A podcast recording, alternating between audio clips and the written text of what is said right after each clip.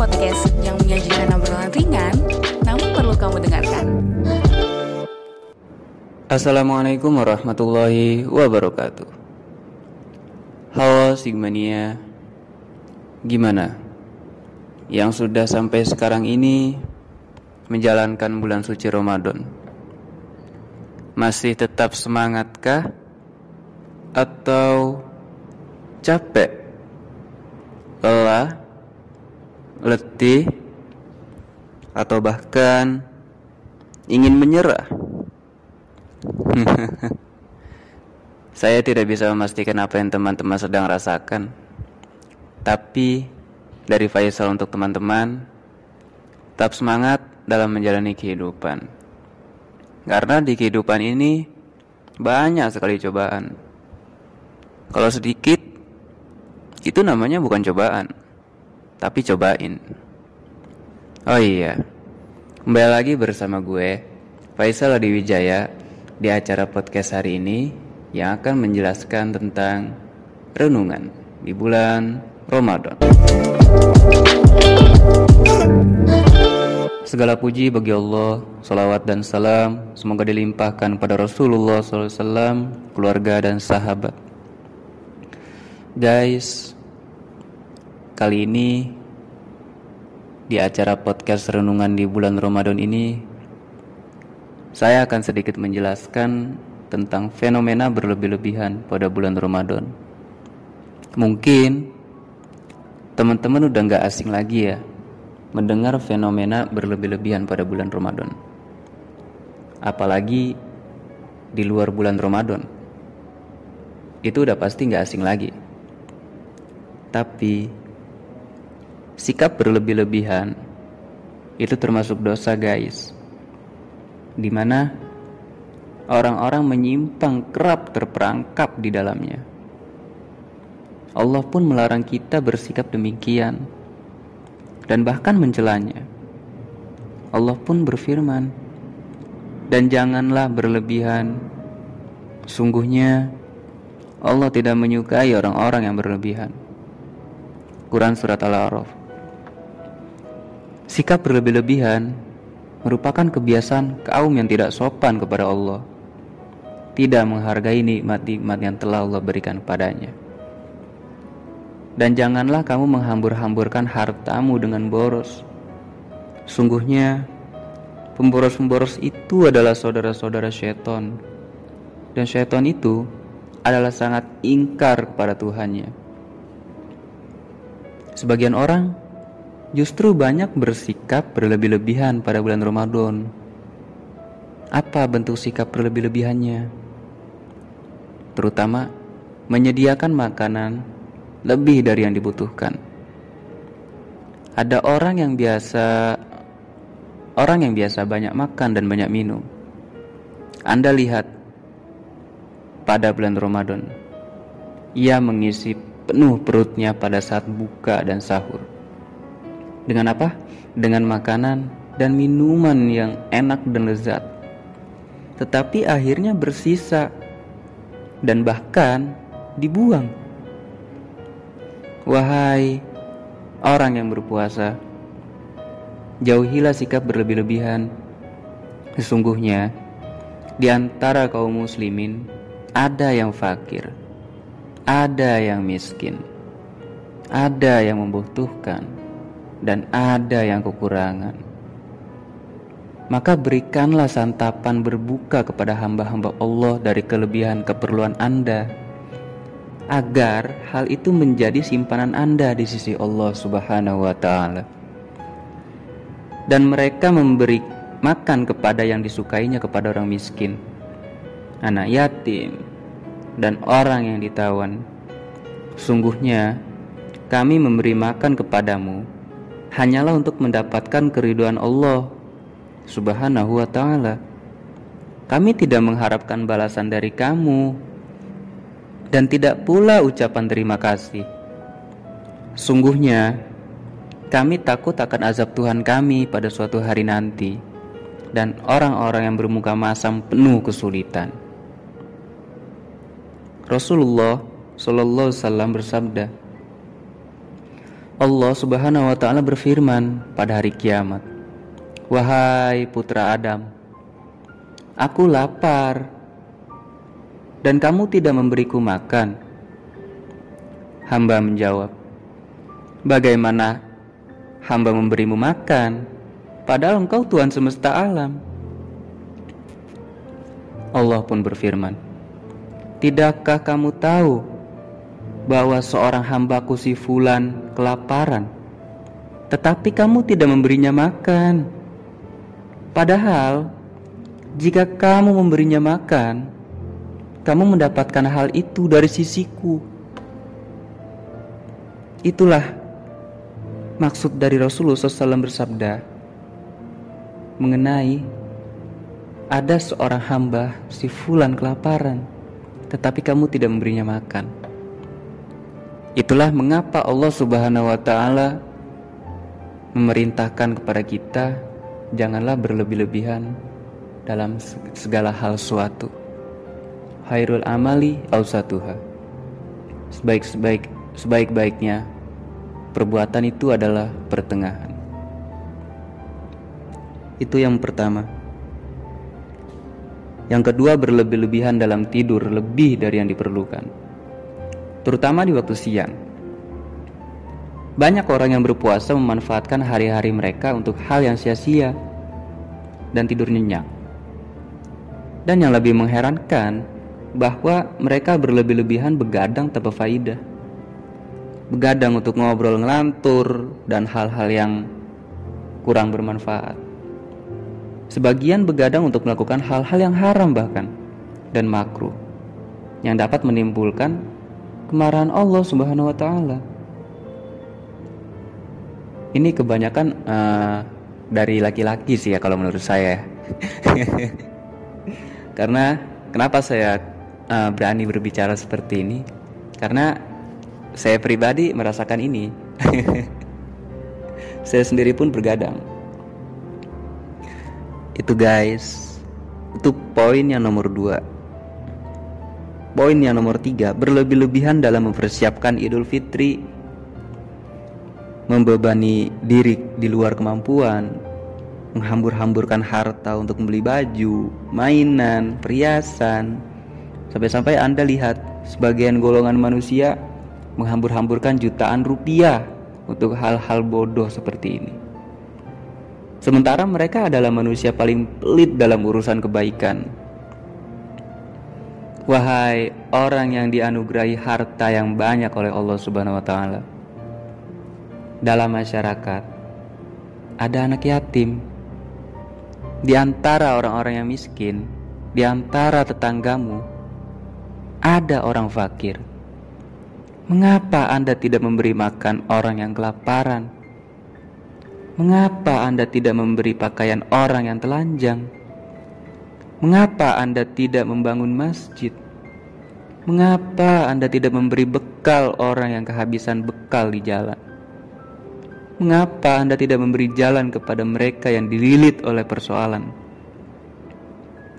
Itu poin nomor tiga.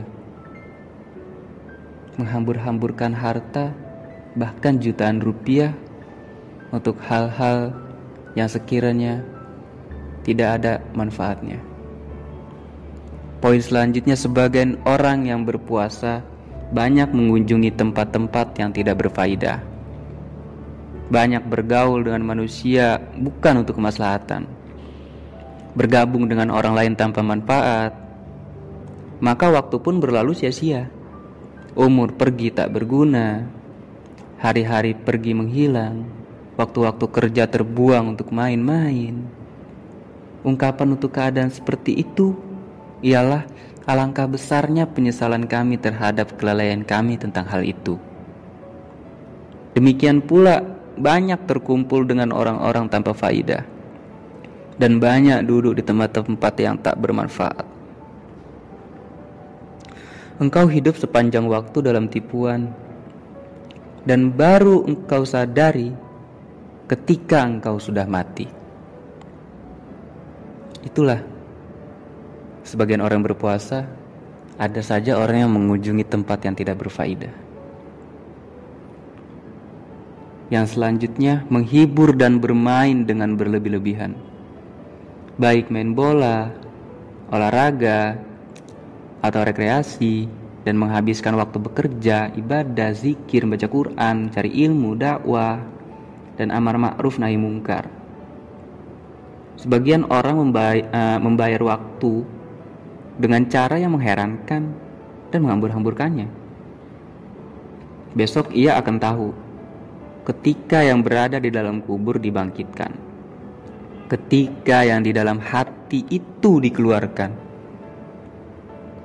Bila kamu berpergian tanpa bekal takwa, dan setelah mati bertemu dengan orang yang berbekal takwa, kamu akan menyesal. Mengapa tidak seperti dia? Mengapa kamu tidak menyediakan hal yang ia sediakan?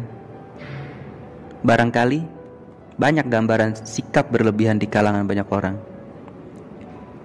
Kaum yang berlebih-lebihan dalam maksiat dan dosa, sikap ini jelas merupakan sikap yang berlebih-lebihan yang paling berbahaya.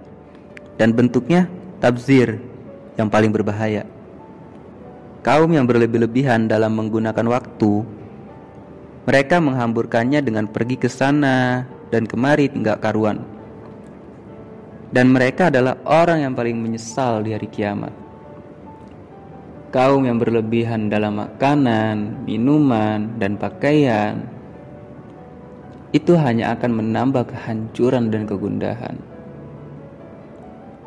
Kaum yang berlebihan dalam perkara-perkara mubah, baik main, hiburan, atau rekreasi, mereka sesungguhnya telah tertipu dalam memanfaatkan usia mereka kita mohon pada Allah agar selalu diberi taufik, kebenaran, petunjuk dan sikap hemat. Segala puji bagi Allah, salawat dan salam semoga dilimpahkan pada Rasulullah SAW, keluarga dan sahabat. Hati orang yang berpuasa mudah apa ya? Mudah terenyuh atau mudah tersentuh dirinya merasa kerdil di hadapan Allah, kecil di hadapan Allah. Rasa cinta dan kasihnya makin menebal. Orang yang paling berhak mendapat kasih sayang, orang yang berpuasa, mendapatkan kebajikannya, dihubungkan tali silaturahim ialah keluarga yang kerabat dekatnya. Ramadan mengingatkan Muslim bahwa ia punya keluarga, kerabat dekat, kemudian mengunjungi mereka, menghubungkan tali persilaturahim, berbuat kebaikan kepada mereka dan menyayanginya. Di situlah Allah Subhanahu wa Ta'ala berfirman, "Maka, apakah kiranya jika kamu berpuasa, kamu akan berbuat kerusakan di muka bumi dan memutuskan hubungan kekeluargaan?" Mereka itulah orang-orang yang dilaknati oleh Allah Subhanahu wa Ta'ala telinga mereka ditulikan, dan penglihatan mereka dibutakan.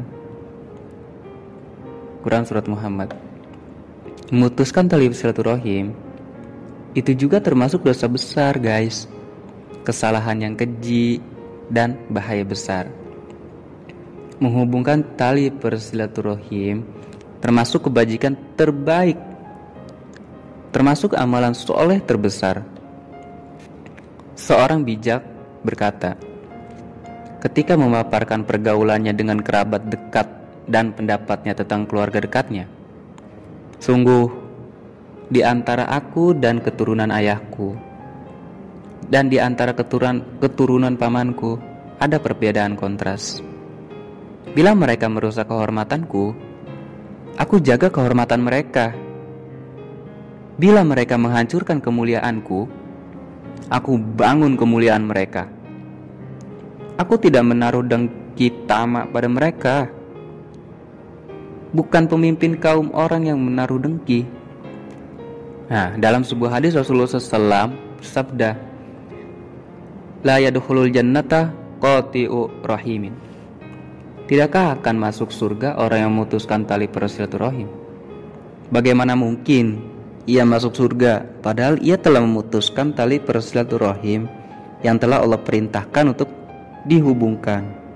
Dan dalam hadis, hadis yang lain Rasulullah SAW bersabda, ketika Allah menciptakan kasih sayang, ia bergantung di ars dan berkata, ini adalah tempat orang yang berlindung kepadamu dari memutuskan tali persilaturahim.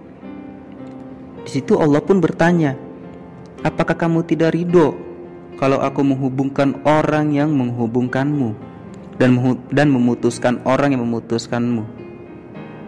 Ia pun menjawab, aku ridho.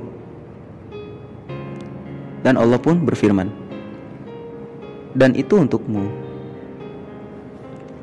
Dalam hadis lain pun, Rasulullah Sallallahu Alaihi Wasallam pun bersabda, Bukankah orang yang menghubungkan itu dengan hadiah-hadiah? Tetapi yang menghubungkan adalah orang yang apabila satu rohimnya diputus, ia menyambungkannya. Dan masih banyak lagi hadis-hadis yang lain. Kerabat Rasulullah sendiri, eh, kecuali beberapa orang, merupakan orang-orang yang sangat memusuhi Nabi. Mereka mengeluarkan Nabi dari rumahnya, bahkan mengusirnya mengganggunya, memeranginya. Ketika Allah memberi uh, memberinya kemenangan atas mereka, Rasulullah SAW memaafkan mereka. Satu sikap yang dibandingkannya tidak pernah didengar manusia. Silaturahim menambah berkah usia, mensucikannya, mendatangkan pahala yang berlipat ganda. Silaturahim itu merupakan pertanda kesempurnaan iman dan takut kepada Allah yang Maha Pengasih dan mematuhi Al-Quran. Silaturahim itu menjaga pelakunya dari kejahatan, kehinaan dunia dan akhirat, dan jeleknya tempat kembali. Itu diriwayatkan dalam sebuah atsar bahwa aku diperintah Allah untuk menghubungkan silaturahim dengan orang yang memutuskannya. Maafkan orang yang menganiayaku dan memberi kepada orang yang enggan memberi kepadaku. Bentuk silaturahim teragung dan pendekatan diri kepada Allah yang paling tinggi adalah berbuat kebajikan kepada kedua orang tua, menyayangi mereka, memuliakan mereka, mendoakan mereka, mentaati mereka dalam mentaati Allah Azza wa Jalla. Allah pun di situ berfirman, "Dan Tuhanmu telah memerintahkan supaya kamu jangan menyembah selain Dia." Dan hendaklah kamu berbuat baik pada ibu dan bapakmu dengan sebaik-baiknya. Jika salah seorang di antara keluarga atau kedua-duanya sampai berlumur, perlu umur, umur lanjut dalam pemeliharaanmu, maka sesekali janganlah kamu mengatakan kepada keduanya perkataan ah, jangankan enggak, ah, maksudnya enggak mau. Dan janganlah kamu membentak mereka dan ucapkanlah kepada mereka ucapan yang mulia. Quran Surat Al-Isra Seorang lelaki datang pada Rasulullah SAW dan berkata, Siapakah yang paling berhak aku pergauli dengan baik? Ya Rasulullah. Beliau menjawab, Ibumu. Ia bertanya lagi, Kemudian siapa? Ya Rasulullah, ibumu. Kemudian dia pun bertanya lagi, "Kemudian siapa?" "Ya Rasulullah, ibumu." Lalu ia bertanya lagi, "Kemudian siapa, ya Rasulullah?" "Ayahmu." Ibnu Ak menganiaya ayahnya. Ia menyepelekannya, mengingkari kebajikannya dan tidak mengakui jasanya. Sang ayah menangis dan bertutur, Aku memberi kamu makan sejak saat kamu dilahirkan. Aku rawat kamu ketika kamu sudah besar. Dan aku beri kamu minum bila kamu merasakan sakit di waktu malam. Aku terjaga merasakan derita dan cemas karena sakitmu. Seakan-akan saya kena sengat dan kamu itu tidak. Mata pun basah air mata. Ketika kamu beranjak dewasa dan mencapai tujuan yang uh, aku juga inginkan kamu balas kebaikanku dengan marah dan kekerasan. Seakan-akan kamulah yang memberi kenikmatan dan utama. Puasa merupakan lembaga pendidikan teragung yang mendidik orang dengan kebaikan dan silaturahim. Ia menopang akhlak, memimpin kasih sayang dan tali cinta. Barang siapa berpuasa, jiwanya dibebaskan dari belenggu. Jiwanya suci, perasaannya mendidih, peranggainya lembut. Semoga kita pada bulan Ramadan ini dapat kembali kepada kerabat kita dengan menjunjungi mereka. Nah, Mungkin segitu dulu ya Sigmania Maparan dari gue Terima kasih buat waktunya yang sudah mendengarkan podcast gue dari awal sampai akhir Mengenai renungan di bulan Ramadan Gue harap teman-teman dapat mengambil hal positif dari apa yang gue sampaikan tadi ya Selalu semangat dan pantang menyerah dalam kondisi apa pun Oke Sigmania Sepertinya gue pamit undur diri. Kalau ada sumur di ladang, boleh kita bernumpang mandi. Kalau ada umur yang panjang, bolehlah kita berjumpa lagi. Belajarlah dari kehidupan, berusahalah untuk masa depan, berdoalah kepada siapa yang menentukan. Buat Sigmania, jangan lupa untuk terus ikuti dan kunjungi sosial media LPM Sigma di Spotify, podcast Sigma, Anchor, website www.lpmsigma.com, dan Instagramnya di LPM Sigma. Saya Faisal Adi Wijaya, pamit undur diri. Wassalamualaikum warahmatullahi wabarakatuh.